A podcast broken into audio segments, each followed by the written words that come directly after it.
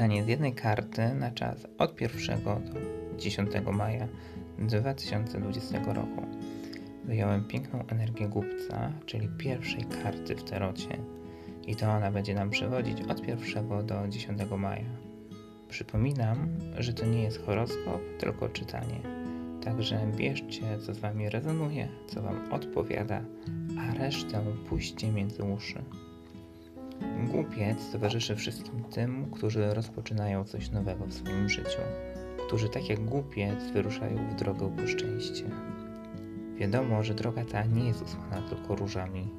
Czasami musimy upaść, aby nauczyć się powstawać. Musimy przegrać, aby docenić smak zwycięstwa. Teraz zachęcam więc nas w tym czasie do rozpoczynania nowych przedsięwzięć. Może zastanawiasz się, czy zaryzykować, czy w coś wejść, czy to będzie dla ciebie dobre. Głupiec mówi tak, inaczej będziesz żałować, że nie spróbowałeś, czy nie spróbowałaś. Tak, zrób to. To jest idealny czas. Zaufaj życiu, które wie przecież, co dla ciebie jest najlepsze. I choć to takie proste i trąci banałem, to uwierz mi, że to prawda. Pozwól sobie, jak nasz bohater, z ciekawością dziecka wejść w coś nowego, rozpocząć nowy etap. Głupiec zachęca nas też do beztroski, do spędzania czasu na łonie natury, do cieszenia się urokami wiosny. Jednak też jest przestrogą, że zbyt duża beztroska i infantylne myślenie może być zgubne i doprowadzić nas do upadku. Jakie to prawdziwe w tym czasie, w czasie majówki, wolnego, kiedy chce się wyjść na działkę, spotkać z przyjaciółmi, pogrillować, nacieszyć się sobą, a przecież mamy stan specyficzny, żeby nie powiedzieć wyjątkowy.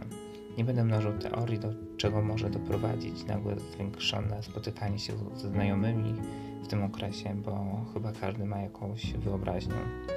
Głupiec mówi, tak, wszystko jest dla ludzi, tak, możesz przeholować w każdej sferze życia, ale konsekwencje będziesz musiał czy musiała ponieść.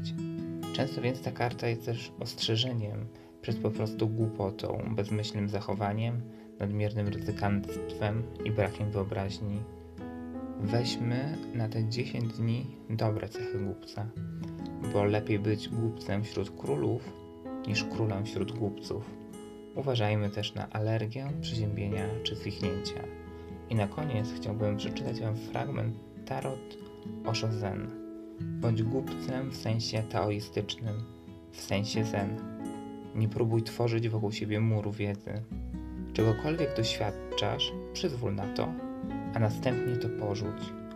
Oczyszczaj swój umysł, umieraj dla przeszłości.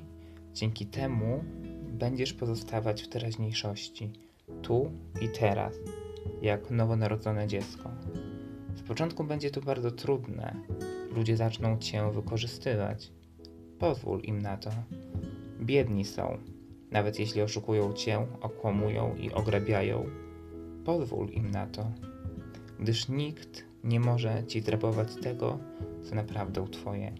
Nikt nie może ci tego ukraść. Za każdym razem, gdy nie pozwolisz się pokonać sytuacji, przyczyni się to do Twojej wewnętrznej integracji. Jak rezonuje z Wami ten fragment? Czujecie dysonans z tymi słowami, czy może pełną zgodność? Dziękuję i życzę Wam cudownego czasu. Do usłyszenia.